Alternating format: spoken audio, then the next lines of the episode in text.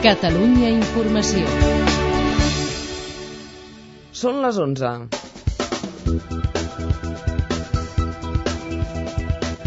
El Parlament Europeu tomba per majoria absoluta la setmana laboral de les 65 hores i aparca el text durant 3 mesos. I han votat en contra el grup socialista i els europarlamentaris conservadors de països com Espanya, França i Itàlia. Rodríguez Zapatero minimitza l'advertiment dels socialistes catalans al PSOE en cas que incompleixi l'acord de finançament i diu que el PSC i ell són el mateix. Montilla l'avisa que no té una paciència infinita per pactar. El RAC avala que la velocitat màxima als accessos de Barcelona sigui variable, però demana que pugui superar els 80 km per hora. També proposa que aquest límit de velocitat no s'apliqui a les nits. Expulsats entre 1 i 3 anys de la Universitat Autònoma, 6 dels estudiants expedientats arran dels aldarulls contra el Pla Bologna. 20 alumnes més rebran una amonestació pública. Quatre detinguts per la mort ahir de quatre operaris en l'esfondrament d'un hotel a Cala Rajada, a Mallorca. Se'ls acusa d'homicidi imprudent. El president nord-americà George Bush destaca com a llegat de la seva administració un nou sistema de seguretat interna que ha evitat nous atacs després de l'11S. Mor l'escriptor Francisco Casabella, de 45 anys, a causa d'un infart. L'autor havia guanyat l'últim Premi Nadal amb la novel·la Lo que set de los vampiros. I el temps, nevades febles al nord del Pirineu, a la resta domini de clarianes, tot i que es formaran boires de manera puntual amb algunes glaçades. Demà tornarà a lluir el sol.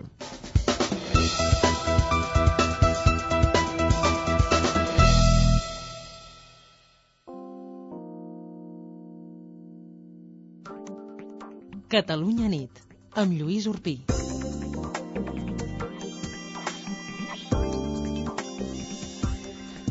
Nit a tothom. Ara passen dos minuts de les 11 i comencem el Catalunya Nit de Catalunya Informació parlant de les paraules de Rodríguez Zapatero sobre les relacions entre el PSOE i el PSC. En una conversa informal a la Moncloa ha dit que ell i els socialistes catalans són el mateix i ha minimitzat així l'advertiment que van fer des del PSC pel retard, se'n recordem-ho, en el tema del finançament.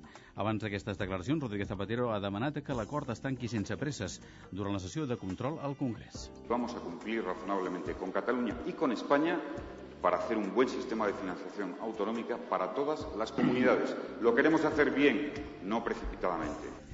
Mentrestant, el president Montilla ha dit que s'acaba la paciència dels catalans en aquest tema del finançament. En parlem a l'espai mig quart amb la portaveu d'Iniciativa per Catalunya Verds al Parlament, en Dolors Camats. I a la tertúlia, més, comentarem l'actualitat amb els periodistes Marta Les Sales i Andreu Ferràs.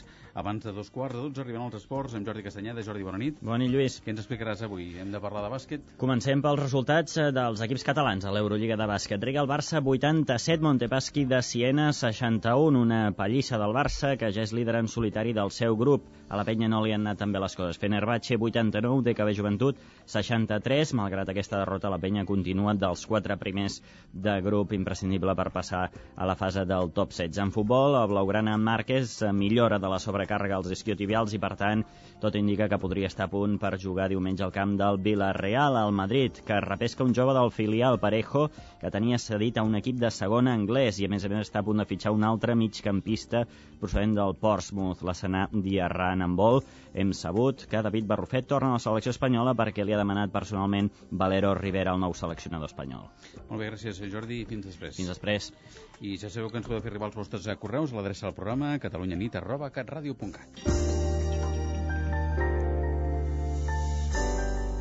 Caixa Penedès us amplia la informació i us acosta a l'actualitat. Les notícies més destacades a fons. Caixa Penedès. Persones al servei de persones. Ara passen 4 minuts de les 11. José Luis Rodríguez Zapatero assegura que el PSC i ells són el mateix i per això treu importància a les amenaces dels socialistes catalans de canviar les relacions amb el PSOE si no hi ha un bon model de finançament. A més, el president espanyol creu que el PSC fa aquests advertiments perquè formen part del govern tripartit i treu importància a la data de l'acord. Malgrat tot, des de la Moncloa creuen possible una reunió entre Zapatero i Montilla abans que acabi l'any. Madrid, Cifri Grassa, bona nit. Hola, bona nit. Zapatero ha recordat que Miquel Iceta forma part de l'executiva del PSOE. Ho ha dit per argumentar que el PSC i ell són el mateix, que hi ha un diàleg fluid i que, per tant, considera que s'ha de treure importància a les amenaces dels socialistes catalans. A més, diu que la data de l'acord no preocupa els ciutadans. Malgrat tot, des de la Moncloa asseguren que abans que s'acabi l'any hi haurà un gest que fins i tot es podria concretar en una reunió entre Rodríguez Zapatero i Montilla, cosa que també veu probable al govern de la Generalitat. I al Congrés, el president espanyol ha demanat que l'acord es tanqui En los próximos días, las próximas semanas, el Gobierno hará público un nuevo documento y vamos a cumplir razonablemente con Cataluña y con España para hacer un buen sistema de financiación autonómica para todas las comunidades. Lo queremos hacer bien, no precipitadamente. I el president espanyol tampoc ha perdut l'oportunitat per fer una reflexió, i és que considera que els resultats polítics de Catalunya avalen la seva política. Gràcies, eh, Cifricàs, a Madrid. Mentrestant, el president de la Generalitat demana a Zapatero que no jugui amb el calendari, perquè la paciència, com dèiem, paciència catalana està al límit. Montilla recorda al president espanyol que es va comprometre a tenir l'acord abans del dia 31 i que ha de complir. Joan Trias, bona nit. Bona nit. El cap del govern català assegura que el clima de negociació actual comporta moltes pressions i fins i tot baralles amb el PSOE. En aquest sentit, els negociadors catalans veuen que Solbes pressiona Catalunya amb informacions per escenificar que han retallat aspiracions d'Andalusia del futur model. Montilla assegura que encara no poden donar el sí al pacte i adverteix Zapatero que els catalans no poden esperar gaire més. Ni perduda, ni tancada, ni trencada. Però ja hem dit i avui repetim que no tenim ni, ni tot el temps del món ni una paciència infinita tampoc. Pel que fa a l'estratègia, el president nega que un vot del PSC demà contra els pressupostos de l'Estat hagués comportat necessàriament un bon acord de finançament. Rebutja així l'acusació de falta de valentia d'Artur Mas. No és cert que pressionant els pressupostos no s'hagués aconseguit una cosa millor. Qui no arrisca, no pisca. I vostè és el president de la Generalitat i si vostè no arrisca de veritat, Catalunya no pisca. El líder de Convergència i Unió també lamentava que Montilla hagi trencat la unitat catalana pel finançament. Gràcies a Joan Trias. A més qüestions, encara també de política catalana, el govern i l'oposició continuen negociant per tancar el Pacte Nacional d'Immigració i tot indica que l'acord serà imminent. Eva Godàs, bona nit. Hola, bona nit. Avui Convergència i Unió ha fet arribar una proposta als partits de l'executiu per fer viable l'acord. La Federació Nacionalista defensa que totes les qüestions que depenen de competències de l'Estat quedin fora del document que s'ha de pactar. Els convergents discrepen de com el govern planteja el tema del dret a vot dels immigrants, l'accés a la nacionalitat i el reagrupament familiar. Temes tots, recordem-ho, que depenen del govern central i no de la Generalitat. Si ho espera, que demà el govern es pronunciï sobre aquesta proposta per decidir si se suma o no a l'acord. Molt bé, gràcies, Eva. També hem de continuar comentant, en aquest cas també de la política catalana, que l'expresident de la Generalitat, Jordi Pujol, creu que Catalunya no està en condicions d'aspirar a la independència. Ho ha dit aquest vespre en una conferència a l'Institut d'Estudis Catalans. Per expressar la seva opinió, Pujol ha fet un relat amb connotacions literàries. Si jo ara contemplo el nostre poble, i pugem dalt del campanar i mirem el poble, no? i recorda, aquest poble està disposat a reprogramar la República Catalana i a defensar-la i tenim els elements per fer-ho els elements de tipus intel·lectual, els elements de tipus econòmic, els elements de tipus polític, els elements de tipus mental, i després miro doncs, cap als campanars del costat, que tenia al costat, el campanat francès, el campanat espanyol, etc. Jo no aconsellaria que es proclamés la República Catalana. Pujol ha fet constants referències implícites al govern tripartit. Ha assegurat que en els últims anys Catalunya ha perdut serietat i que per això són temps de replegament nacional, ha dit. En el terreny del concret, Pujol ha deixat clar que per ell la reforma de l'Estatut no ha sortit bé. L'expresident es pregunta si en el seu moment no hauria estat necessari preguntar-se si el país podria defensar amb prou força el text aprovat al Parlament. Paraules avui de l'expresident Pujol, que després eh, comentarem a l'entrevista també a, a la tertúlia. El secretari de Seguretat de la Generalitat, eh, Joan Delort, assegura que la Conselleria Interior no ha exigit mai la presència de comandaments dels Mossos d'Esquadra en un acte de Joan Saura. Delort admet, però, que un responsable del cos policial sí que va instar els agents a assistir a la conferència de balanç de mandat del conseller. És la rèplica que ha donat a la informació que avui publica el diari La Vanguardia, on s'assegura que Interior va ordenar l'assistència dels comandaments dels Mossos d'Esquadra per escrit. Marta Corbalan, bona nit. Hola, bona nit. El número 3 d'Interior, Joan Delort, no veu com un fet reprovable que un responsable dels Mossos d'Esquadra instés als comandaments del cos a assistir a la conferència del conseller Saura. Segons Delort, els comandaments, a banda de les seves funcions policials, tenen també una tasca de representació institucional que han d'assumir. No penso fer cap reprovació a cap comandament del cos per haver pres aquesta decisió, que insisteixo, la trobo dintre del marc habitual de relacions institucionals que corresponen als propis responsables i comandaments de la pròpia policia. Convergència i Unió creu que el conseller Saura hauria de dimitir després d'aquest episodi. Felip Puig li ha demanat que assumeixi responsabilitats. Aquesta imatge d'utilització partidista i sectària de la policia del nostre país no es pot tornar a produir i que és suficientment greu com perquè el conseller Saura assumeixi les seves responsabilitats per aquesta iniciativa. El PP i Ciutadans també n'han demanat la dimissió. Gràcies a Marta Corbalana. Passen 10 minuts de les 11 de la nit. Esquerra Republicana i el Partit Popular s'han barallat avui al Senat per les declaracions de la setmana passada de Manuel Fraga, que va dir que s'havia de penjar als partits nacionalistes. El republicà Miquel Bofill i el popular Antolín Martín han protagonitzat un enfrontament enmig de desqualificacions mútues. Ens ho explica Joaquim Lledó. Joaquim, bona nit. Hola, bona nit. L'incident verbal ha passat al començament del ple dedicat al projecte de llei sobre propietat intel·lectual. En nom del seu grup parlamentari, l'entesa catalana de progrés, el republicà Miquel Bofill ha demanat al president del Senat, el socialista Javier Rojo, que reprovés el president fundador del PP per les seves paraules. En Fraga, assegut al seu escó, Bofill li ha recordat el seu passat franquista. Des del Partit Popular li ha contestat Antolín Martín. Aquest és el moment de l'intercanvi de retrets. El señor Fraga ha puesto de manifiesto su raíz franquista señoría, y señoría, que no es digno de sentarse en un parlamento democrático. Señoría, por favor. Empieza a ser hora que respetemos la diferencia Señoría. y el derecho a decidir de los pueblos. Senador Bofil. Que renunciemos al lenguaje de Senador la Bofil, violencia por favor. y a las expresiones Senador Bofil. violentas en el lenguaje político. Senador, Bo- le retiro el uso de la palabra. Senador Bofil y su grupo parlamentario no nos va a dar lecciones al Partido Popular y a este grupo de democracia y defensa de los derechos de los ciudadanos. Porque sí, en la historia de su formación política recordaremos todo lo que supuso la presencia en la política española de Terra Llore. Miquel Bofill s'ha negat a retirar les seves acusacions. Els dos socis d'Esquerra, a l'entesa catalana de progrés, el PSC i Iniciativa Verds, han donat suport al diputat republicà. Gràcies, eh, Joaquim Lledó. Més qüestions de la crònica política d'aquesta jornada, d'aquest dimecres 17 de desembre. Els quatre presumptes atards detinguts ahir a Guipúscoa van vigilar el moviment de dos guàrdies civils quan portaven atenció als seus fills a l'escola. El ministre de l'Interior, Alfredo Pérez Rubalcaba, ha explicat que la missió d'aquest comando era passar informació i rebre encàrrecs d'ETA. El ministre ha afegit que les dades que recollien les traslladaven a dirigents etarres, alguns dels quals ja detinguts, com Francisco Javier López Peña, Thierry. Rubalcaba destaca un fet que demostra, segons ell, la categoria moral dels arrestats. Este comando legal de información ha seguido a dos guardias civiles de Guipúzcoa cuando llevaban sus niños al colegio y comunicó al ordenador central de López Peña esos seguimientos. Por tanto, se trata de una estructura importante.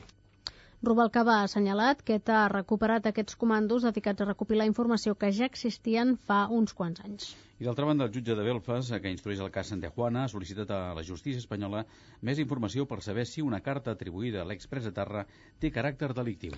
Immediatament el magistrat de l'Audiència Nacional, Eloi Velasco, ha demanat un informe a la Guàrdia Civil que expliqui si l'expressió basca aurrea volie, que figura en la carta llegida l'homenatge a Iñaki de Juana a Sant Sebastià, es pot interpretar com a sinònim d'endavant amb la lluita armada. L'Audiència Nacional reclama l'extradició de de Juana perquè l'acusa d'un delicte d'enaltiment del terrorisme. Per això el jutge nord-irlandès vol saber què és el que va dir l'acusat o una altra persona en el seu nom i quines paraules va fer servir exactament per determinar si existeix la infracció que imputen a l'expres a Terra. Geni de la llàntia meravellosa. Doctor, no sé què li passa. Vull un televisor. Pidola i pidola. Un ordinador. Tot el dia frega targetes de color verd. Unes vacances I fantàstiques. no és el primer. Unes maletes. És greu, què ets de fer? Comprar amb les targetes Visa de Caixa Penedès podrà pagar quan vulgui i, a més, guanyarà regals. Joan, sortim a comprar. Targetes Visa de Caixa Penedès. Genials. Caixa Penedès. Persones al servei de persones.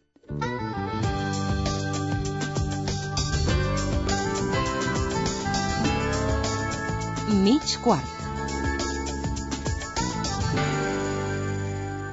Un minut i arribarem al punt d'un quart de dotze. Avui al Catalunya Nit de Catalunya Informació ens acompanya als nostres estudis a la portaveu d'Iniciativa per Catalunya Verds al Parlament, la Dolors Camats. Senyora Camats, bona nit i benvinguda. Hola, bona nit. Què li sembla el que ha dit avui Zapatero, que el PSOE i el PSC són el mateix, després de l'advertiment que va llançar, recordem-ho, als socialistes catalans en cas que no hi hagi un bon finançament? Jo crec que aquests dies el senyor Zapatero això ho repeteix a, a dins i a fora de casa seva perquè ningú oblidi o perquè ningú tingui cap mena de temptació. Um, jo crec que els socialistes catalans a dilluns van prendre una decisió. De, crec que no és uh, del tot irrellevant que, que més la volguessin significativament prendre aquí a Barcelona, és a dir, que la seva executiva prengués la decisió de què fan els pressupostos. Ara eh, em sembla que el senyor Zapatero ha d'entendre que els missatges que li arriben tant del PSC com d'altres llocs no són una broma. Mm? Mm, vostè pensa que se'ls ha de prendre seriosament? jo crec que mm, ell és el president, o així ho, ho, ho hauria de ser, és el president eh, del govern espanyol i per tant eh, de tot el territori espanyol. També és el president dels catalans i catalanes, tant que president de l'Estat. I per tant, eh, no so, segons ell no som una cosa a banda. I quan el govern de la Generalitat li diu que aquí hi ha una negociació i que ell ha de complir una llei, que és l'Estatut, i que, hi ha de fer, que ha de negociar amb el govern de la Generalitat per un acord de finançament, perquè la ciutadania catalana precisament eh, té unes necessitats que avui el govern no pot complir perquè no hi ha aquest acord de finançament, no pot mirar cap a una altra banda, ni pot dir que no ve d'una setmana, mm. ni pot dir que no passa res. No? Eh, li deia perquè quan hi ha algun advertiment des del PSC a Madrid, em sembla que no em fa massa cas, per entendre'ns, no? Ves que en aquest cas no és un advertiment només del PSC, o no sé si el fan prou bé o prou fort, o en tot cas eh, forma part d'aquella casa o d'aquella família. Eh, jo sé el que fem des del nostre grup parlamentari a Madrid, des del grup d'Iniciativa per Catalunya Verds a Madrid, Uh, I també sé què és el que està fent la Generalitat de Catalunya i això ja no és uh, ni casa seva ni la seva família i, re i requereix... Ja no és cap partit, no? I requereix un cert respecte institucional, sobretot perquè el que està reclamant la Generalitat, um, escolti, és llei, perquè ho diu l'Estatut, és just, perquè a més a més els ciutadans i ciutadanes necessiten aquest nou finançament, i per tant eh, és necessari perquè la Generalitat pugui fer front en, en les necessitats, a les demandes de les polítiques que hem d'implementar i sobretot aquesta nova crisi econòmica. Per tant, ell no pot continuar mirant cap a una altra banda. Uh -huh. Quina valoració fa del que ha dit avui el president Montilla precisament al Parlament sobre el finançament? Què li en sembla les paraules del president? Mm, jo crec que el president va anar, anava en aquest sentit. No? Eh, sabem que el senyor Montilla no és algú que faci molts focs artificials eh, quan, eh, quan respon, no? és algú més aviat auster en les seves respostes i en la, i en la seva manera de parlar, però jo crec que ha estat clar el dir, escolti'm, jo no dono per trencada aquesta negociació, nosaltres hem posat un marge i sobretot ha dit una cosa que crec que, que l'oposició, que el senyor Mas convé repetir-li, no? perquè sembla que ens acusen el govern de, eh, de ser massa tous en alguns moments, i és que si el tema fos tenir un acord de finançament i complir un calendari, això ja estaria fet perquè de propostes sobre, una, sobre finançament i sobre models de finançament ja n'hi ha hagut. El problema és que la Generalitat no només vol un acord de finançament a una data concreta, sinó que vol un bon acord de finançament a una data concreta. I per això, a dia d'avui, eh, doncs no hi ha acord, tot i posar-nos no, eh, ja fora de data. Per tant, el problema és que cal negociar i tenir un bon resultat. Com que això fins ara no ha estat possible, per això estem tibant la corda, fins on l'estem tibant. Mm -hmm. Vostès pensen que el PSC hauria hagut de, allò que parlava abans de les famílies, de pressionar més el PSOE en el tema, per exemple, dels pressupostos?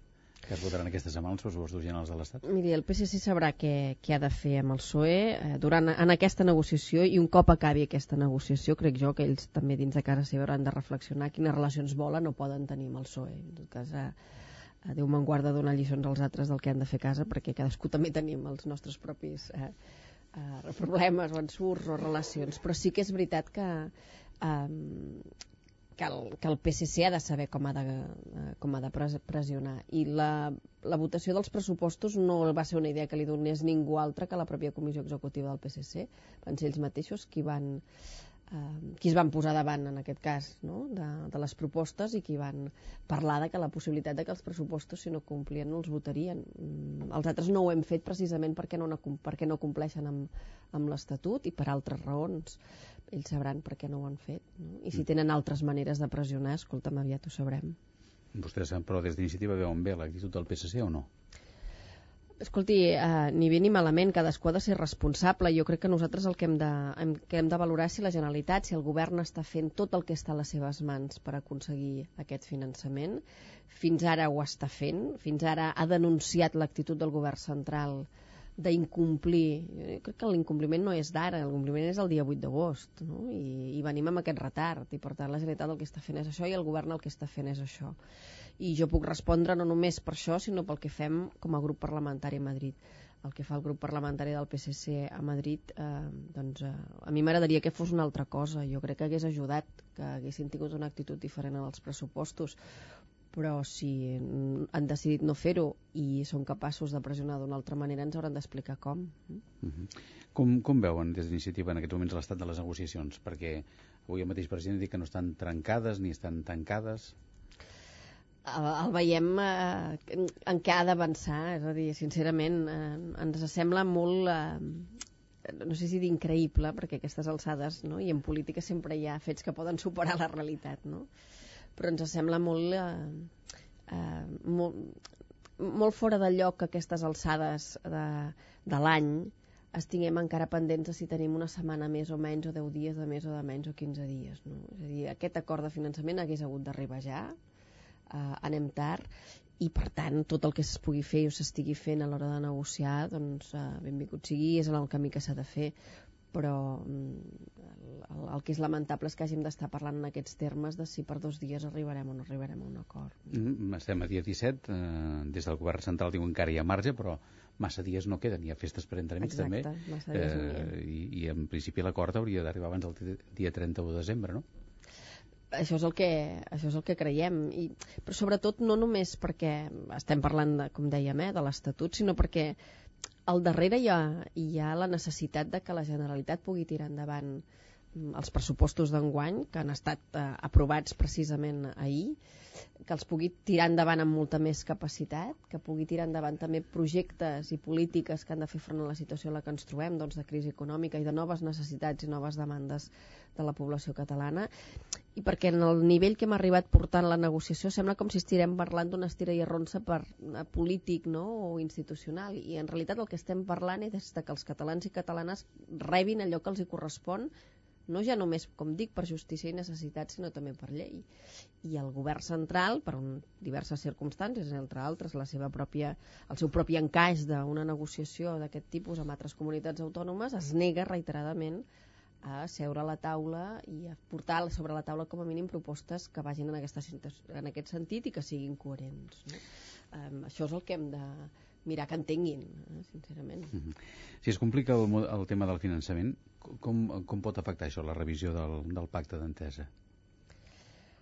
Mireu, la, jo crec que la revisió del pacte d'entesa eh, neix de la necessitat, o com a mínim des del nostre grup parlamentari, des d'iniciativa ho veiem des de la necessitat de que el context en el que els socis de govern signem el pacte d'entesa i per tant eh, signem l'acord que ha de fer possible la reedició d'un nou govern de catalanista i d'esquerres és una, i avui, amb gairebé dos anys o a dos anys vista, la situació econòmica, doncs, de creixement econòmic, d'atur, um, a nivell immobiliari, etc., doncs ha canviat tant que impedeix que moltes de les que aleshores eren prioritats o propostes o accions de govern avui tinguin fins i tot sentit o siguin prioritàries i, i que en canvi d'altres prenguin importància. I això és la necessitat de revisar l'acord d'entesa. És obvi per, que per donar impuls a aquestes noves realitats, per fer front a aquesta crisi econòmica, per fer front a mesures que no hi comptàvem i que bueno, ara fa, afloren noves necessitats, una part important és tenir recursos per fer-ho. No? El govern ha assumit aquesta responsabilitat amb l'endeutament, ho ha pogut fer perquè durant anys ha estat sanejant eh, els comptes de la Generalitat en els darrers quatre anys, però a més a més de l'endeutament és obvi que ens fa falta un instrument que és el nou finançament mm. i per tant és imprescindible a banda de tot el que hem dit abans Parlant de pactes, en divendres pensa que es donarà llum verd al Pacte Nacional per la Immigració dic perquè des de Convergència i Unió mm. plantegen al govern treure o excloure d'aquest pacte les competències que són de l'Estat i posar-les, per exemple, en un annex deixeu-me fer una reflexió abans sobre el, la idea dels pactes nacionals, no? perquè darrerament mm. anem parlant, hem parlat del Pacte Nacional d'Immigració, el de recerca... Sí, que vostès ja van dir que no ah. havien massa clar que també és el principal partit de l'oposició si no hi havia acords en el govern, no? Um... En els partits de govern, vull dir. Exacte, no? No, no, no va només per aquí, però en el sentit del Pacte Nacional jo crec que és un instrument d'aquest govern i del, del govern anterior, eh, de, de la majoria eh, del tripartit i de la majoria d'entesa, per abordar qüestions de país que durant molts anys s'havien menys tingut, bandejat o no s'havia fet front, ja sigui, la, ja l'educació, ja sigui la immigració, ja sigui la recerca, ja sigui el tema d'habitatge, i temes que realment importaven, que eren necessaris en els que calia fer front i que es mirava cap a una altra banda i que a més a més calia enfrontar-los no només des d'una postura política, sinó des d'una postura més de consens social, amb, amb implicacions de diferents agents socials i no només les institucions o els partits. I aquest és un instrument vital d'aquest govern que ha ofert i que ofereix reiteradament a l'oposició i cada vegada més tenim, la, des, com a mínim des d'iniciativa, la sensació de que l'oposició, i en concret Convergència i Unió, ha estat utilitzant aquesta oferta i aquest oferiment dels pactes nacionals més com un instrument de desgast en el govern, d'intent d'erosió i d'intent de desgast allò ideològic o polític, que no pas realment com un intent de construir com a país i de fer polítiques conjuntes. Ens ho va demostrar en el Pacte Nacional per l'Habitatge, quan va condicionar el suport a un pacte d'unes magnituds com mai s'havia fet en aquest país, que és el Pacte Nacional per l'Habitatge, condicionant-lo a un article d'una llei d'habitatge que alhora es feia en el Parlament i en aquest moment amb el Pacte Nacional per la Immigració ens ho demostra de nou. No? Jo crec que una de les virtuts del Pacte per la Immigració a Catalunya és precisament que és ambiciós en el sentit de proposar coses que van més enllà de les pròpies competències de la Generalitat sigui el dret a vot, el, el dret a l'accés a la funció pública, etc. Mm -hmm. Mm, no sé per què li ha de molestar a un partit sobiranista que el país intenti anar una mica més enllà d'allò que fins i tot les lleis li otorguen. No? Tot em fa sospitar que fan una certa utilització, per dir-ho així, d'aquesta mà estesa. Parlant d'anar més enllà, què li semblen les paraules que, que hem comentat a l'informatiu avui de, de l'expresident Pujol, que creu que Catalunya, que parlava des d'un campanar i mirava la resta de campanars, Catalunya no està en condicions d'aspirar a la independència a mi m'ha recordat i que fa, molt, bueno, fa uns quants anys, eh, quan eh, jo treballava en temes internacionals de joves, va venir un eh, dirigent juvenil italià i, em va, i, i vam estar parlant sobre en Pujol, en Pujol perquè era, és una figura que internacionalment era coneguda i, mm -hmm i, uh, i aquesta gent no, em preguntaven, però escolta'm, després de parlar-ne molt sobre què era Convergència i Unió, que era, el, que era el Jordi Pujol, quin president que podia ser que estés tants anys en el govern, etc etc, com condicionava les majories fins i tot a l'Estat, em va preguntar, però aquest home, si es fes un referèndum per la independència, què diria, que sí o que no? I cap dels que estàvem allà vam saber dir-li si diria que sí o que no i va dir, oh, doncs aquest home és un gran polític. Ara entenc per què ha estat tants anys en el, en el govern.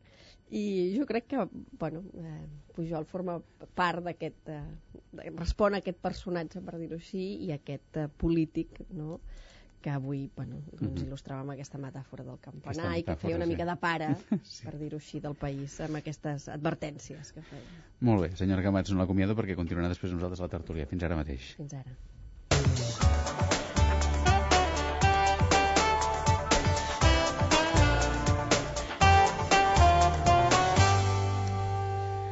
I ara els esports amb Jordi Castanyeda. Jordi, bona nit. Hola, bona nit. Comencem parlant de bàsquet. Hi ha hagut una cara i creu, no? Exacte, li ha anat molt bé al Barça i molt malament a la penya. Riga el Barça 87, Montepaschi de Siena 61. Els blaugranes ja són líders eh, de grup. Avui jugaven precisament contra el, qui, contra l'equip italià amb qui compartien aquest lideratge. La creu ha estat per la penya que ha caigut a Turquia, Fenerbahce 89, de Joventut 63. La penya no ha tingut opcions eh, massa baixes eh, el seu tècnic Cito Alonso se n'ha queixat, a més a més Wright ha hagut de, tornar d'urgència a Badalona per un problema personal. En futbol, tot apunta que Rafa Márquez estarà a punt per jugar diumenge al camp del Villarreal, un desplaçament complicat pels blaugrana en les últimes temporades, i d'aquest fet n'opinava precisament avui un dels nous, Martín Cáceres. No sé si, si es que tenga el Barça algo que se la tranque, ¿no? Creo que Villarreal, sobre todo, es un buen equipo, ¿no? Es un excelente equipo, tienen muy buenos jugadores y bueno, y sobre todo después en el tema ese que me preguntas que no, se nos atranca un poquito en el campo de ellos, bueno, eso es partido a partido, ¿no? Cada partido es diferente y bueno, y esperemos ahora hacerlo de la mejor manera, bueno, para traer los tres puntos. Pel que fa a l'Espanyol, Mané està aprovant un equip titular amb Chica, Ángel i Baldo com a substituts de Sergio Sánchez i els sancionats Rufete i Román. Nené, un dels nous fitxatges d'aquest estiu, vol guanyar dissabte a l'Atlètic de Madrid per passar un bon Nadal. Pues de las circunstancias, pues yo creo que el partido más importante del año porque es el último partido antes de las vacaciones, ¿no? De, de fin de año y bueno, y la situación complicada y bueno, para que nos vayamos ahí un poquito más tranquilo, pues tenemos que que ganar este partido como sea. Un altre equip amb urgències és el Madrid. De moment, repescarà un jove del filial que tenien cedit a un equip de segona anglès. Es diu Daniel Parejo i també estan molt a prop de tancar un altre migcampista al Portsmouth, la Sanà Diarras. Nota bastant que el nou entrenador Juan de Ramos ha estat treballant l'últim any a la Lliga Anglesa. En competició internacional, Deportiu de la Corunya 1 en 6-0 i Sant Etienne 2, València 2.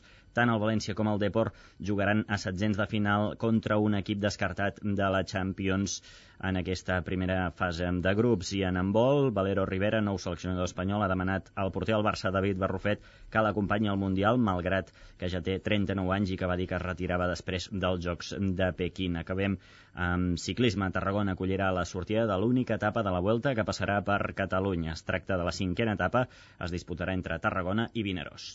Molt bé, gràcies, Jordi, i fins eh, després. Fins després.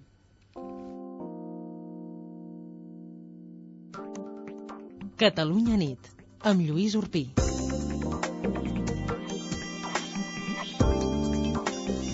En punt, en dos quarts de 12, és el moment de repassar algunes de les principals notícies d'aquest dimecres 17 de desembre. Ho fem amb la Victòria Vilaplana. Victòria, bona nit, quan vulguis. Bona nit, Lluís. Doncs comencem amb Rodríguez Zapatero, que minimitza l'advertiment dels socialistes catalans al PSOE en cas que incompleixi l'acord de finançament i diu que el PSC i ell són el mateix. Montilla l'avisa que no té una paciència infinita per pactar.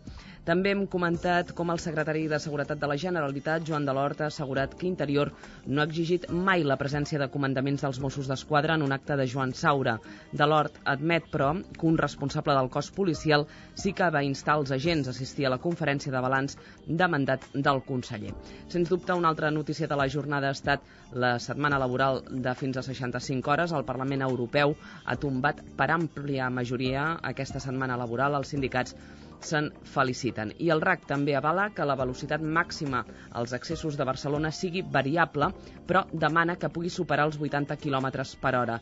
També proposa que aquest límit de velocitat no s'apliqui a la nit. Acabem amb la previsió del temps. Nevades febles al nord del Pirineu i a la resta domini de clarianes, tot i que es formaran boires de manera puntual amb algunes glaçades. Demà tornarà a lluir el sol.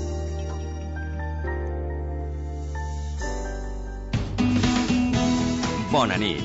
El número premiat del cupó diari celebrat avui és el... 42.207 42207. Demà, com cada dia, hi haurà un venedor molt a prop teu que reparteix il·lusió. Bona nit i recorda que amb el sorteig de l'11 la il·lusió es compleix. Catalunya nit. L'anàlisi de la política i els seus protagonistes a Catalunya Informació. Ara passen dos minuts de dos quarts d'otze. Ja sabeu que ens podeu fer arribar els vostres correus a l'adreça del programa catalunyanit arroba catradio.cat. Avui a la tertúlia, com us dèiem, continuem nosaltres Dolors Camats i ens acompanyen els periodistes Marta Las Sales i Andreu Ferràs. Bona nit i benvinguts. Hola, bona nit. Bé, d'entrada volen comentar alguna cosa, algun dels aspectes eh, del que ha dit la senyora Camats a l'entrevista de fa uns minuts? Bueno, jo continuo només amb, amb els últims comentaris que ha fet la senyora Camats sobre en Jordi Pujol i aquesta, aquesta metàfora aquesta sobre els campanars i aquesta ambigüitat, Ah, ambigüitat que, aquesta ambigüitat que li va eh, permetre mantenir-se molts anys al poder. molts anys al poder i sempre i, i, i encara avui en dia no se sap si és independentista o no en Jordi Pujol Què votaria Jordi Pujol en un referèndum? Ho sabem. Sa- Això li van preguntar... Ho sabeu? No, li van preguntar en una, en una trobada amb periodistes i llavors ell va dir off the record? Va preguntar off the record i llavors sí, sí, sí, sí. I llavors dir, votaria que no. I ell va dir que votaria que no, però tots es van quedar amb la, amb l'interrogant. Eh?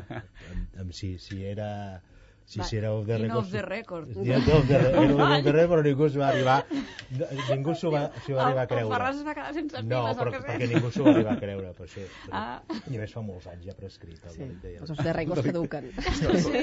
És com Hisenda, no? Ja prescrit. Exacte, ja prescrit, Ja per tant, tampoc. Uh, I després l'altre, que m'ha resultat... Uh, també m'he quedat amb la incògnita, no perquè sigui ambigu, sinó perquè la Dolors Camats, sinó perquè no, no, no, no ho sé, no, no s'ha dit, no, no s'ha explicitat. Davant de la, dels continus eh, incompliments de José Luis Rodríguez Zapatero, iniciativa, m'atreviria a preguntar també al govern, atès Mm. que iniciativa és soci del govern, se senten enganyats, decebuts, mm, emprenyats, esperançats? Jo crec que hi ha una mica de, de tot, eh? Hi ha hagut moments en què ens hem sentit estafats, sincerament. Jo tinc, I fins i tot personalment, eh? Jo creia que a l'agost hi hauria... Dic, bueno, potser no serà el 8 d'agost, però és igual, el 15 hi haurà un gest, no? I a lo millor un primer acord, unes primeres eh, un marc general que concreta una mica més l'Estatut i que et permetran avançar i concretar-ho a setembre, no ho Unes sé. primeres línies, no? Clar, dius, bueno, no, el, és veritat que el 8 d'agost no cal que sigui, no? Però, bueno, formalment hi haurà alguna cosa. Sincerament, em semblava molt inconcebible que la informalitat que suposa per un govern, no? incomplir una llei orgànica, incomplir un termini d'aquestes característiques. No estem parlant allò d'una disposició transitòria que diu, mira, no ve de tres mesos, no? Um, i, i, i algunes potser ve de 3 mesos, però aquestes que el govern de la Generalitat, que és qui l'ha d'aplicar, ja li hem dit que sí que ens ve de 3 mesos i de 6, no? i que per tant ja n'hi ha prou. I, um, I ara comença a ser preocupant aquesta indiferència, no? i que avui el senyor Zapatero insisteix a dir, escolti, és que som la mateixa cosa, li diuen al PSC, i és que no n'hi ha per tant. Escolti, és que sí que n'hi ha per tant, és que va en sèrio i jo no sé què li diran els senyors del PSC i és que, escolti, això quedi a casa seva però és que el govern de la Generalitat que és alguna cosa més compartit o que la suma de 3 no? i que el Parlament de Catalunya li ha dit, perquè mm, li tornem a dir no? en el debat de política general i si cal demà li tornarem a dir per majoria, que sí que passa alguna cosa i que no és qualsevol acord el que vostè incompleixi la necessitat d'un acord de finançament. Per tant, eh, hi ha una mica de tot, de sorpresa, de decepció, d'incredulitat davant del gruixut no? que, que arriba a ser a l'incompliment. Perquè això fins que, quan pot aguantar el govern de la Generalitat amb, amb aquesta situació? És que... Perquè clar, el govern espanyol no té pressa, diguem. Però és que el... jo crec que ens equivoquem si la pressió la posem sobre el govern de la Generalitat, és a dir, eh, quin favor estem fent si, si el, el problema en aquest cas eh, no? És a dir, nosaltres hem fet les propostes, nosaltres hem fet els deures, nosaltres estem desplegant l'Estatut, nosaltres estem fent la pressió, nosaltres estem fent les propostes, nosaltres estem anant a Madrid i estem rebent-los aquí quan cal, és a dir, i el que està incomplint és l'altra banda. No? I per tant el cos li ha de passar a l'altra banda és a dir, el cos l'ha de tenir qui incompleix no el que està fent el que li toca que en aquest cas és el govern de la Generalitat i si m'apureu la majoria del Parlament no? sí, però en realitat el primer però... cost és la, la ciutadania Exacte, que estan, sí, sí, estan pagant tot això serà la ciutadania és, és el que deia al principi eh? potser sí, sí. des del Parlament i des del, des del tripartit, des del govern i des del Parlament també potser no, no, no s'ha no aprofitat prou eh, el, el, cada cop que hi ha hagut un, un incompliment per part de Zapatero per, per denunciar la situació perquè ara mateix que estava parlant de la, del, del 8 d'agost que no hi va haver acord eh, aleshores es va acceptar una pròrroga, la va acceptar el conseller Saura amb, amb la vicepresidenta Maria Teresa Fernández de la Vega, justament quan Iniciativa tenia reclamada una, una compareixença quan va ser en, gairebé en l'últim minut clar, és que precisament... es va perdonar a Zapatero de compareixer. Clar, jo diria que és al revés, és a dir, precisament perquè es produeix l'incompliment del 8 d'agost, que iniciativa denuncia que allò és un incompliment i demana explicacions al president del govern. Li diu, escolti, senyor Zapatero, li vaig a demanar una compareixença perquè vostè s'ha saltat a la torera l'Estatut. I el Però 8 també és iniciativa, un conseller d'iniciativa sí. el qui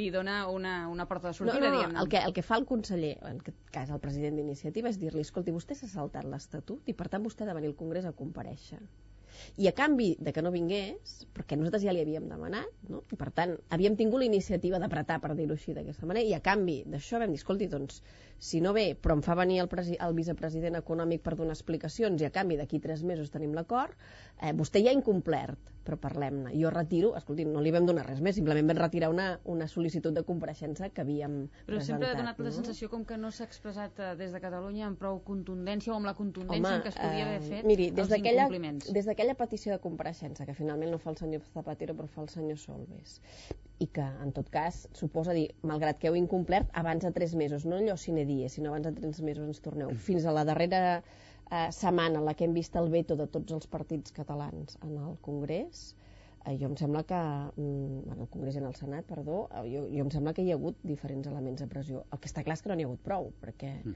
estem a la data que estem, i malgrat això... Sí, perquè eh, eh, quan però, ara... però jo insisteixo en que no sé si és només, no? i segur que, escolta, potser sí que ens hem equivocat en algunes coses, no haguéssim hagut de fer algunes més, no? però jo crec que la pressió no ens l'hem de posar només nosaltres. A veure, eh, és a dir, qui està incomplint i qui no està eh, executar les seves pròpies lleis i sobretot qui està, no? abans algú deia, qui està estafant a la ciutadania de Catalunya quan és també la seva responsabilitat que els ciutadans i ciutadanes de Catalunya tinguin les polítiques que necessiten i que mereixen, és el govern de l'Estat. I per tant, per això deia que qui se li ha de passar factures al govern de l'Estat, perquè en aquests moments qui, és qui no està donant resposta a les necessitats d'escolarització, a les necessitats de beques, a les necessitats doncs, de prorrogar l'atur de les persones que es quedaran a l'atur a Catalunya en els propers mesos. Per tant, és, és aquest eh, a qui li hem de fer la pressió. Una altra cosa és si ho hem fet prou bé o si, no, si, si, si cridem prou alt eh, o si fem servir prou elements de pressió. De la Però és que no ser... caldria que en féssim de pressió, perquè això és una llei. El de la ciutadania pot ser que, malgrat que hi ha governs del mateix color, uh. -huh. o una part de, ens entenem, diguem, diguem, socialistes, els dos governs no s'entenen, potser remei pot ser, bueno, potser haurem de canviar de color en algun lloc, o, o en un o en un altre, per tal de que, de que hi hagi alguna entesa o que hi hagi més pressió perquè de moment no s'està aconseguint res i per tant el cost no només pot ser electoral, no es pot fer només pagar Mm -hmm. en el govern espanyol, sinó potser també el govern català pot arribar a pagar en un determinat, en unes noves, en unes, en unes properes eleccions, doncs el fet de que potser no hagi pressionat prou. Que tots sabem, o molts sabem que ha pressionat, però els resultats no són suficients. Jo crec que um, insisteixo, eh? ara estic fent allò amb les mans, la gent no ho veu, allò, el senyal no, del, no, del gent focus. No, veu, eh? no, no, per això ho explico, no? Estic fent el zoom pot, amb les mans. pot imaginar si li diríem.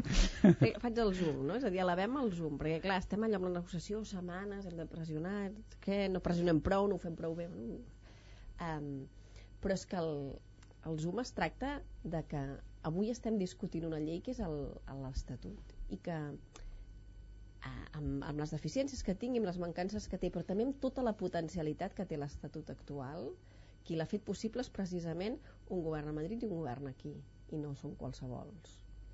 Sí. És a dir, si avui podem estar discutint que no ens hem posat d'acord i que encara no s'ha executat ni s'ha desenvolupat un acord de finançament, és entre altres coses perquè tenim aquesta, aquesta obligació de que hi hagi un acord de finançament nou que requereixi una sèrie de característiques i d'obligacions per l'Estat i cap a Catalunya que marca un estatut que està fet sí, i aprovat seguint amb aquest microscopi hem aixecat aquest zoom, tant, aquest, zoom, aquest zoom out clar, fent aquest tampoc zoom out perdem la perspectiva no, d'on no, som i però, per què estem on estem però seguim eh? en, perquè si no aniríem amb allò de una miqueta més que l'any passat i anar revisant els acords sí, però seguint amb, aquest, amb aquesta mateixa lògica amb aquesta mateixa perspectiva un estatut, efectivament, una llei que s'ha aconseguit però que està recorreguda i que no només es pot arribar per tant que no tinguem finançament sinó que a sobre tinguem un estatut retallat per un tribunal constitucional en, en plena crisi. Sí, sí, també podríem passar que no tinguéssim un nou estatut, com va passar durant molts anys, no? la necessitat de tenir un nou finançament, un nou estatut, però aquí, mm, com que hi havia les majories que hi havia aquí a Madrid, i com que Convergència i Unió no tenia la majoria suficient i havia de governar amb el Partit Popular, no hi havia nou estatut, no hi havia possibilitat de tenir un nou finançament i per tant això no canviava. Ara tenim nous instruments, ostres, i resulta que no ens els desenvolupen i hem de pressionar més del que ens pensàvem perquè això es desenvolupi.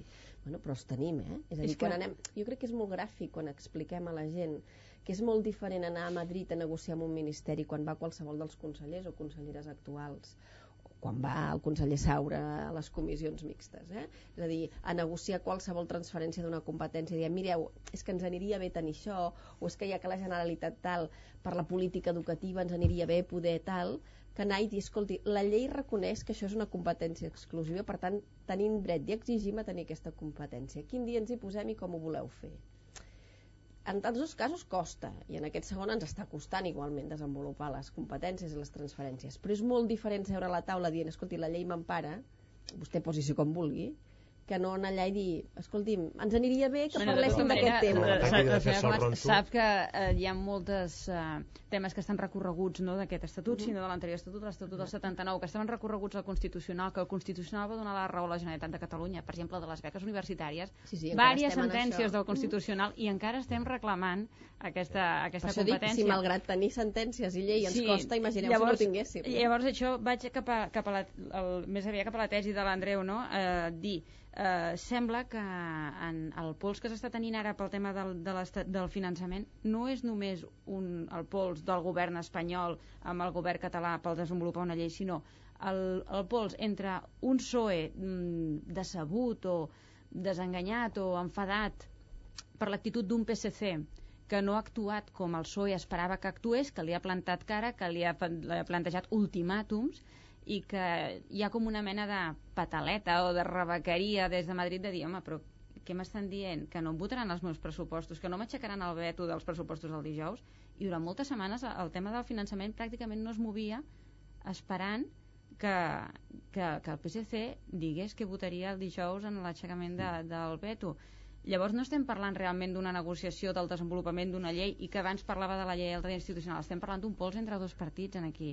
I ja no és tant obrir el, el focus, jo crec que hem de tancar-lo molt i anar a buscar realment on està el, on, El on rau el, sí, el rovell de l'ou. probablement eh, segurament hi ha més d'un element de negociació i més d'una- més d'un escenari, per dir-ho així, de negociacions, no? Perquè no cal oblidar que el PSOE té unes relacions amb el PSC, però que a dins del PSOE, que és eh, en teoria i sobre el paper un partit federal, hi ha altres comunitats autònomes, hi ha altres governs autonòmics en aquest moment que també estan posant les seves demandes sobre la taula i que per tant veuen amb certa alguns eh, inquietud, imagino, i altres eh, mm, amb cert dubte què passa amb el finançament català també per veure què passa amb el seu i què passa eh, doncs amb la resta de política econòmica de l'Estat no? o amb, amb la resta de distribució per dir-ho així o, o quin és aquest nou concepte de solidaritat interterritorial que hi ha a l'Estat a partir d'una proposta que ha fet l'Estatut de Catalunya i que ha fet el govern de la Generalitat no? i que fa l'Estatut no? i per tant probablement hi ha més d'un escenari i, més de, i no només les relacions PSOE-PSC també n'hi ha d'altres Bueno, que en aquests moments veure també les relacions Zapatero-Pedro Solbes, a part de tota aquesta, sense, que seria també segurament hi ha més d'un tatami, com us deia en aquest moment per a... Sí, perquè algunes informacions lluitant. periodístiques parlen de que Solbes pot, pot estar afectat d'una futura remodelació, no? per exemple, de, la- de l'executiu central. I en el cas del Pols eh, PSC-PSOE, el, el, el diari Periódico ha publicat que la, la ministra Chacón va una mica enfadar-se, diguéssim, per la pressió del PSC, no? que s'estava fent sobre, sobre el, sobre el sobre president PSOE. del govern i, sobre, i especialment president d'ella perquè ell és ministre De l'executiu de, central. de José Luis Rodríguez Zapatero efectivament De totes maneres, a mi m'agradaria que algun dia, suposo que ara és molt difícil imaginar-nos-ho, no?, enmig de la negociació, però que algun dia, estic imaginativa, eh? Sí, ja ho veig, ja ho veig, ja ho veig. Metafòrica, però que algun dia intentéssim fer un exercici d'imaginar-nos què passaria si qui estés negociant un nou acord de finançament fos un altre govern del PSOE, no?, o de d'un altre partit, no sé, no? el, el, el partit ah, el govern d'Extremadura, per exemple, o el Mm. govern d'Andalusia, si els polsos no, inter interterritorials es veurien igual i s'enfadarien tant, no, com deia la Marta, um, si aquestes pataletes s'entendrien tant o tan poc perquè aquí si fos Andalusia o Extremadura o, Aquí, o Balears, per exemple. quan sortia el Rodríguez Ibarra a queixar-se de, dels catalans i ens deia de tot, ens deia el nom del porc, ningú deia res, era el més normal del món, i quan ha sortit a Andalusia, quan hi havia uns barons del PSOE que podien dir el que volguessin. Però que està, sí, el que està revelant també tota aquesta situació eh, és, d'un costat, una fermesa d'un d'un govern català, una rebequeria d'un govern espanyol, però al mateix temps, penso, una feblesa de lideratge de Jesús Rodríguez Zapatero. Perquè si Jesús Luis Rodríguez Zapatero està tenint, ha de tenir por de determinats bar- barons territorials, vol dir que eh, Zapatero no és tan fort dins del partit Home, com en el- hauria de ser aquesta- perquè el normal seria que bueno, doncs, jo he d'arribar a un acord amb Catalunya perquè ho marca la llei, perquè tinc uns compromisos i perquè tinc 25 diputats del PSC, entre altres, entre altres relacions, perquè tinc dos possibles aliats en el Parlament, com Esquerra Republicana i Iniciativa per Catalunya, per tant, que canti missa doncs, en, a, a, a, Fernández Vara d'Extremadura o al Chávez, que jo he de fer la meva política. Mm, De tota manera, Andalusia ja ha dit que, que ja els hi sembla bé, tal i com està plantejat el, el tema del finançament, per tant, la proposta que, que, està, que es veu que està ultimant el govern. Per tant, no crec que el tema de les altres, eh, de les altres territoris sigui realment el, el, el cuit de la qüestió, perquè a més a més avui en aquest uh, off the record que ha fet uh, tan on the record, perquè ha sortit a tot arreu el, el president Zapatero uh, Per una això el de les... Jordi Pujol feia aquest off the Sí, clar, imagina't, el, el, el, el Jordi Pujol no es pot queixar perquè ha trigat anys a sortir el seu off the record, però el del, el del senyor Zapatero ha trigat unes horetes, no, uns minutets, eh, el temps que ha trigat la gent a sortir d'allà. I una d'aquestes coses que ha dit off the record ha sigut doncs que això que explicàveu, no? que ell és el PSC, que, que, que, ve, que com Sí, li ha de fer cap amenaça al PSC si ell és el PSC, com m'he d'amenaçar jo a mi mateix, ha dit. A més a més, també dic que els ciutadans això del, del, del finançament no és la seva principal preocupació, diguem-ne. La gent pren un cafè parlant més aviat del Barça que no pas parlant de tu com creus que quedarà l'anivellament. El senyor Zapatero pot tenir sorpreses, eh? Sí, sí, el que passa que com que a les últimes eleccions ja va sentir parlar tant d'un senyor que es deia català emprenyat i al final no el va veure per enlloc, Sí, sí. eh, jo crec, i això potser lligaria amb les declaracions del, del president Pujol, doncs que hi ha un cert... Eh, sí que hi ha una certa desmobilització en aquest sentit. No, desmobilització no ho sé, el que sí que és veritat, no? i abans ho deia el Manel, recordant els 25 diputats del PSC, nosaltres l'endemà de les eleccions generals ho vam dir, probablement aquests 25 diputats acabaran sent un problema pel propi PSC. Mm -hmm i vam dir, escolti'm, i moltes felicitats, no? perquè va ser aclaparador, però sí, sí. poden acabar significant un problema pel PSC i a lo millor demà ho són. Està passant en aquests moments 4 minuts de 3 quarts de 12. Estem a la tertúlia de la Catalunya Nit de Catalunya Informació amb Dolors Camats, Marta Les Sales i Andreu Ferràs. Abans de repassar la premsa, els diaris de demà dijous, en aquest cas en Victòria Vilaplana, m'agradaria que mm, comentessin, eh, no tenim massa temps, però aquesta polèmica eh, que hi ha hagut amb el, amb el conseller Saura. Eh? La Conselleria Interior ha desmentit que el Departament hagi ordenat a comandaments dels Mossos d'Esquadra assistir a un acte institucional. Com veuen aquesta polèmica, senyor Camats? Um, reia perquè oh. em sorprèn que algú cregui que hi ha cap mena d'instrucció política per part d'un partit o del conseller per manar que el comandament dels Mossos vagin a la seva conferència no? és a dir, hi pot haver hagut uh, que algú hagi dit uh, uh, que quan hi ha una conferència del de, conseller del departament per avaluar la feina entre altres del departament durant dos anys i la feina del govern, doncs algú digui escolta'm, qui vagi, però en tot cas això no és una instrucció política ni de partit ni del conseller no? i per tant, rai en aquest sentit, no? de, que algú pensi que hi ha tan mala o sigui, que s'ha fet algun comentari o algun correu però sense cap mena d'instrucció política. No, no, no ho sé si s'ha fet un correu un comentari, no? El senyor Delors deia que pot ser que hi hagi hagut, o que hi ha hagut, no? Un comandament que va dir que eh, podien anar o que havien d'anar, però en tot cas no hi ha una instrucció política per dir omplim la sala que, ve, que parla el Saura, no? És que em sembla tan fora del lloc que algú pensi... Són els papistes que el papa, és a dir, no, que algú que hagi volgut fer mèrits i que hagi... Mèrits davant del conseller, no? Suposo, no sé. Sí, sí. Dóna la impressió que hi ha hagut una certa accés de cel. Això sembla, aparentment, el que passava que tampoc, tampoc la informació cas, està gaire clara. Una cosa és enviar un mail, o doncs, diuen que ha sigut un mail que s'ha enviat, una cosa és enviar-ho doncs, al, al, al partit, enviar-ho a, a quadres del partit o fins i tot a càrrecs de la conselleria.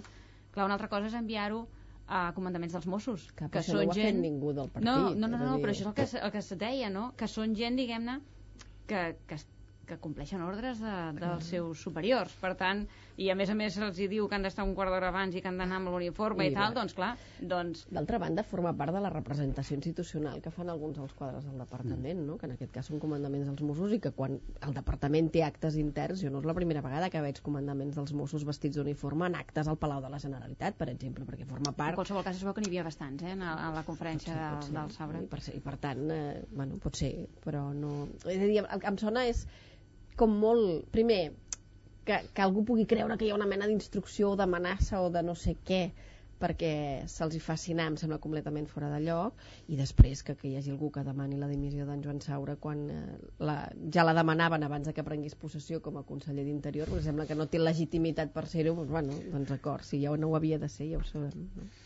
Molt bé, després d'aquest comentari sobre aquesta polèmica que hi ha hagut al voltant de que si hi havia aquestes ordres o no per assistir a aquest acte de, del conseller Saura, és el moment de que Victòria Vilaplana ens doncs, repassi els diaris de demà. Sí, sí, Lluís, si vols començo per aquesta última notícia, ah, que sí, evidentment sí, és portada per diari La Vanguardia, lògicament. No ens sorprèn. Eh, no és a cap altre diari, almenys que jo hagi vist, eh? Uh, el diari La Vanguardia titula Interior veu normal que s'obligui els Mossos a anar a actes de Joan Saura eh, retracta... Joan Saura conseller, suposo que deuen dir. Saura. Bueno, ja saps que els diaris no tenen sí, sí. tant d'espai a vegades, s'ha de comprimir. Els mítings del partit no els he vist per tranquil·litat de tothom. L'Assemblea Iniciativa... A l'Assemblea no n'hi havia. No, no, diu aquest, que aquests no comptaven. Aquest rotatiu destaca que Saura no ha volgut fer declaracions i que el seu departament ha dit que la polèmica iniciativa no va ser idea seva i la conselleria diu acusa ara un comandament policial de cursar l'ordre després d'haver-la negat aquest és uh, el titular del diari La Vanguardia. que la polèmica iniciativa no és idea seva, eh, pot, ser, pot ser crear confusió, eh? Sí, fins i tot jo, Marta, he hagut de sí, llegir-ho sí, dos cops perquè dic, déu nhi no sé si em refereixo a iniciativa o a la polèmica iniciativa. Bé, en qualsevol cas, aquest diari, ja que hi som, també vol eh, titular que Zapatero doncs, eh, fa el, el sort davant el desafiament del PSC i que l'Amèrica Llatina i el Carib demanen al president electe Obama la fi del bloqueig a Cuba.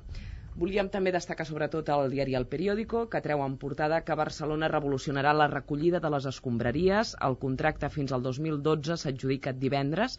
Eh, diu aquest rotatiu que 27.000 contenidors substituiran els actuals i aniran ancorats a terra. La selecció de les deixalles orgàniques s'amplia a tots els barris i l'Ajuntament planeja avançar a les 7 l'inici de la recollida. Veurem si no és polèmica aquesta recollida a les 7 de la tarda.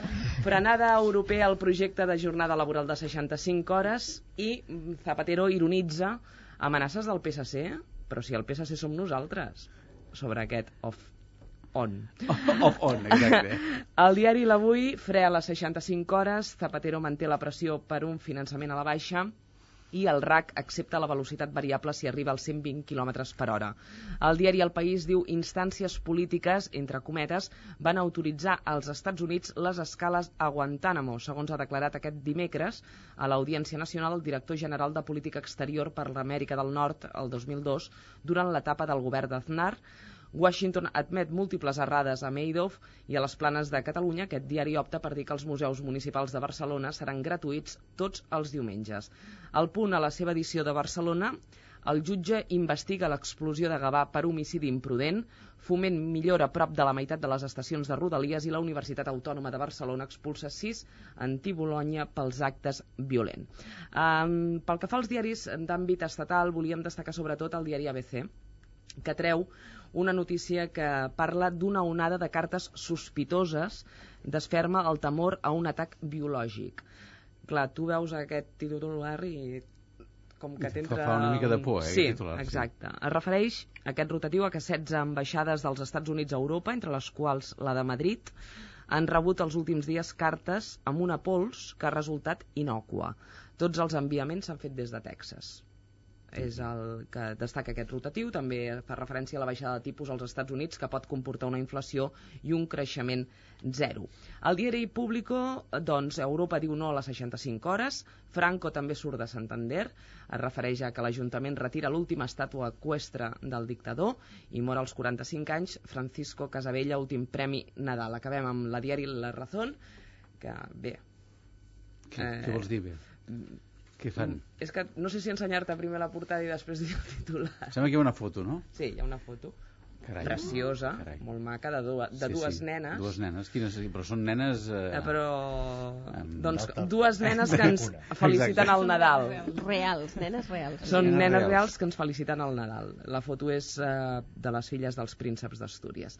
Aquest rotatiu també diu que el 16% de carreteres de l'Estat és d'alt risc per als automobilistes i ETA planejava atemptar, diu, contra un militar a Andalusia, segons figurava a l'ordinador de la Terra Thierry.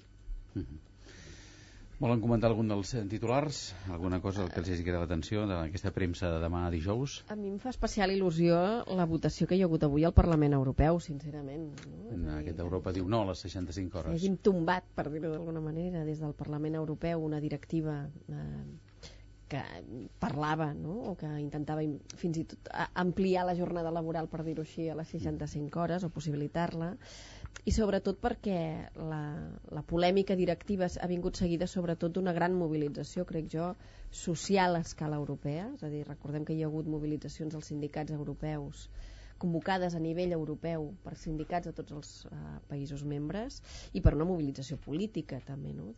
D'alguns partits, altres iniciatives han fet campanyes en contra de la di- directiva i el fet de que el Parlament se n'hagi fet ressò i que finalment doncs, l'hagi tombada per aquesta aclaparadora majoria, no? és a dir, no hi ha hagut res eh, doncs eh, crec que mm, és d'aquelles coses que fa creure que a vegades les coses també poden canviar-se des de la mobilització I que hi ha, i Podem que hi ha anar bones endavant i notícies. enrere, no? I que hi ha bones Sí, que hi Jo ha també bones quedo amb aquesta bona notícia i amb una altra, que és els museus municipals que estaran oberts i gratuïtament el, tots els diumenges. Sembla molt bona notícia. Quedo amb aquesta i amb la de 65 hores. Bona notícia aquesta per fomentar la cultura, evidentment.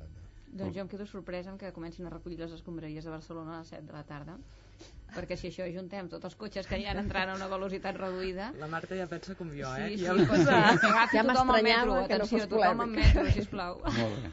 Gràcies, Victòria Vilaplana, i bona nit. Gràcies, Lluís. I fins aquí la tertúlia, Dolors Camats, Marta Les Sales i Andreu Ferraz. Gràcies, bona nit i que vagi Bona molt bé. nit. Bona nit.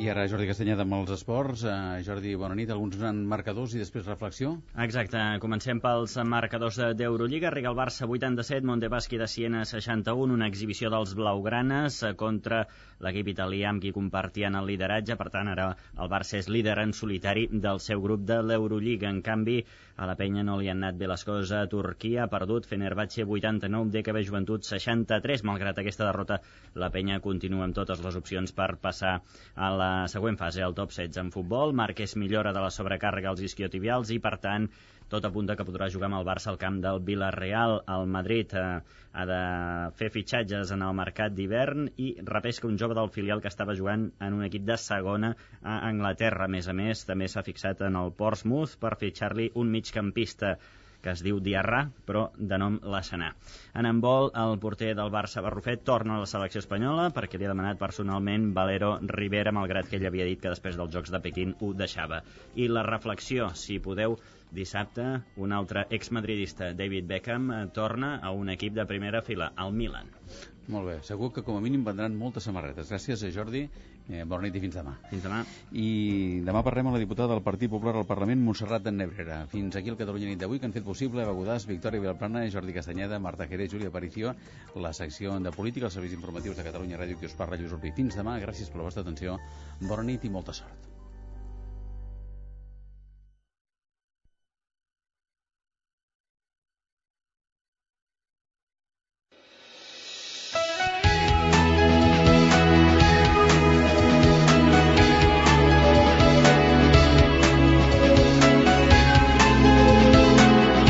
Catalunya Informació.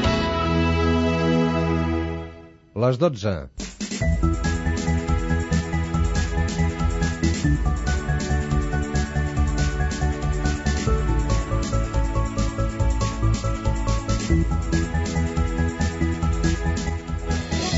El Parlament Europeu tomba per àmplia majoria la setmana laboral de fins a 65 hores i la parca durant 3 mesos perquè els governs negociïn el pacte. Els sindicats se'n feliciten. José Luis Rodríguez Zapatero diu que el PSOE i el PSC són el mateix i treu importància a les pressions dels socialistes catalans pel finançament. José Montilla avisa que la paciència per pactar s'esgota. El RAC avala que la velocitat màxima als accessos de Barcelona sigui variable, però demana que pugui superar els 80 km per hora. També proposa que aquest límit de velocitat no s'apliqui a les nits. El jutge que porta el cas